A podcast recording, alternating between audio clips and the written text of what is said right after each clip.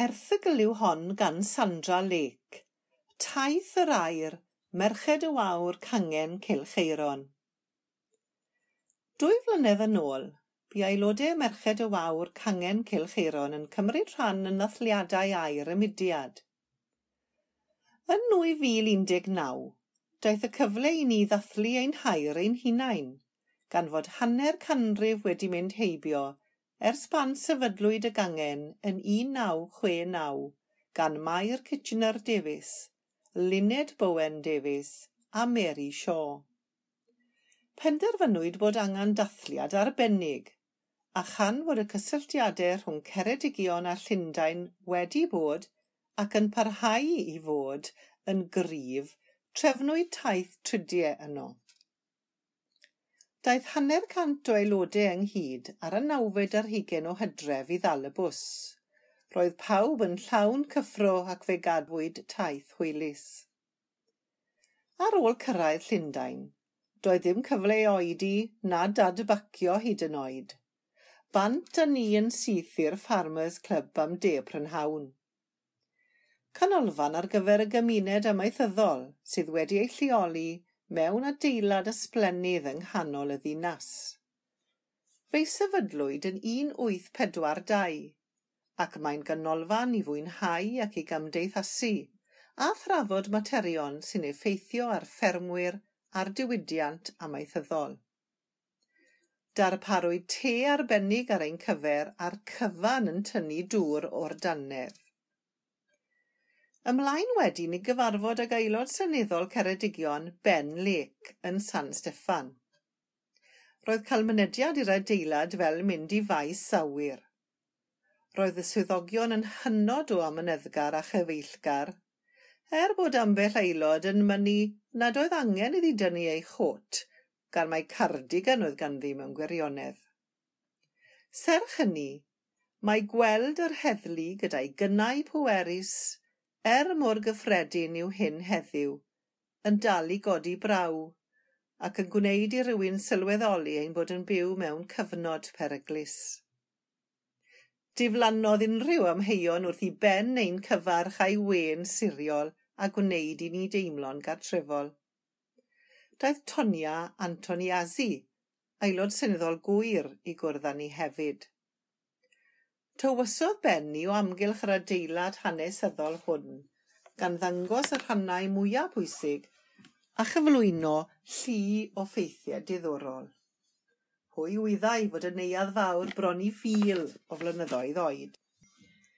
Cyn mynd i Lundain, roeddem yn ymwybodol fod arwyddocad arbennig yw'r wythnosau olaf y mis Hydref, am fod Hydref yr unfed ar ddeg ar hugain – wedi ei ddynodi yn ddiwrnod Brexit. Ond roedd popeth yn newid mor sydyn yn y byd gwleidyddol erbyn hynny. Ha'r prif weinidog Boris Johnson yn awyddus i gynnal etholiad cyffredinol cyn y Nadolig. Bu o'm yn hynod o ffodus i gael mynediad i oriel yr ymwelwyr a chael cyfle i wrando ar y ddadl a cheisio dilyn y cynigion a'r gwellennau amrywiol cyn y bleidlais olaf a'r penderfyniad i gynnal etholiad ar ragfyr y deuddegfed. Dwyrnod hanesyddol a chofiadwy yn wir. Tronnoeth, teithio trwy Lunden i ymweld â Bryn y Briallu. Dyma enw a lleoliad hudolus sy'n cyffroi'r dychymyg wrth i ni gofio bod Iolo Marganwg wedi dod i'r fan hon i gynnal gorsedd am y tro cyntaf yn 1797. Ym mis Mehefin 2009, dadorchuddiwyd cofeb ar y safle er mwyn coffai'r digwyddiad, er nad oedd holl drigolion yr ardal o blaid hynny. Bu rhian medu yn ein tywys o gwmpas y safle, ac yn cyflwyno hanes y gŵr hyfeddol hwn mewn ffordd mor fyw a diddorol. Mae Rhian wedi ymgartrefu yn Llundain ers rhai blynyddoedd, a bu'n flaenllaw yn yr ymgyrch i sicrhau cofeb parhaol.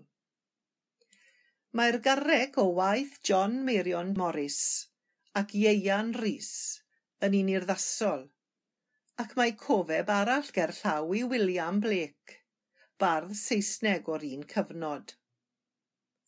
Ar ôl yr holl gerdded, Doedd dim lle gwell i gael cinio na bwyty enwog dets sydd wedi ei leoli ar gyrion Bryn y Briallu.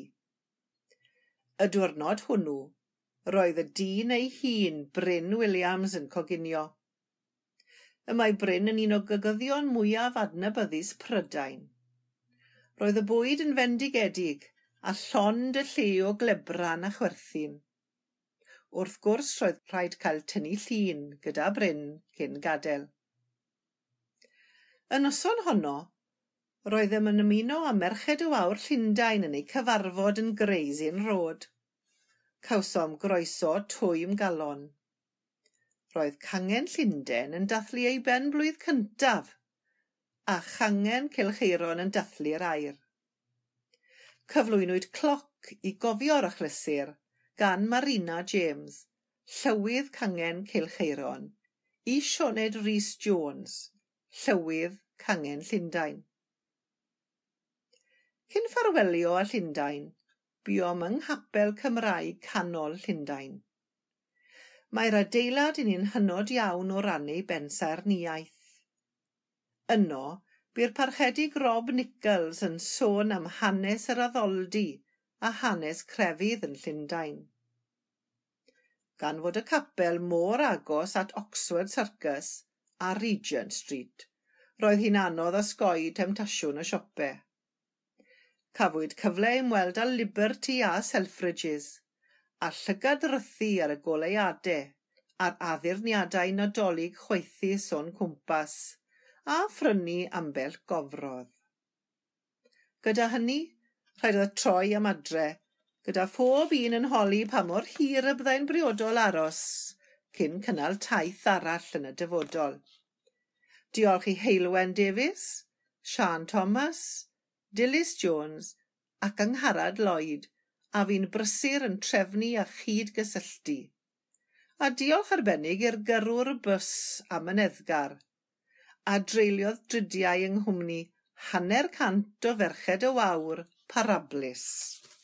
Darllenwyd yr erthygl hon gan Caroline Davies, aelod o Gangen Llanabyddyr, Rhanbarth, Ceredigion.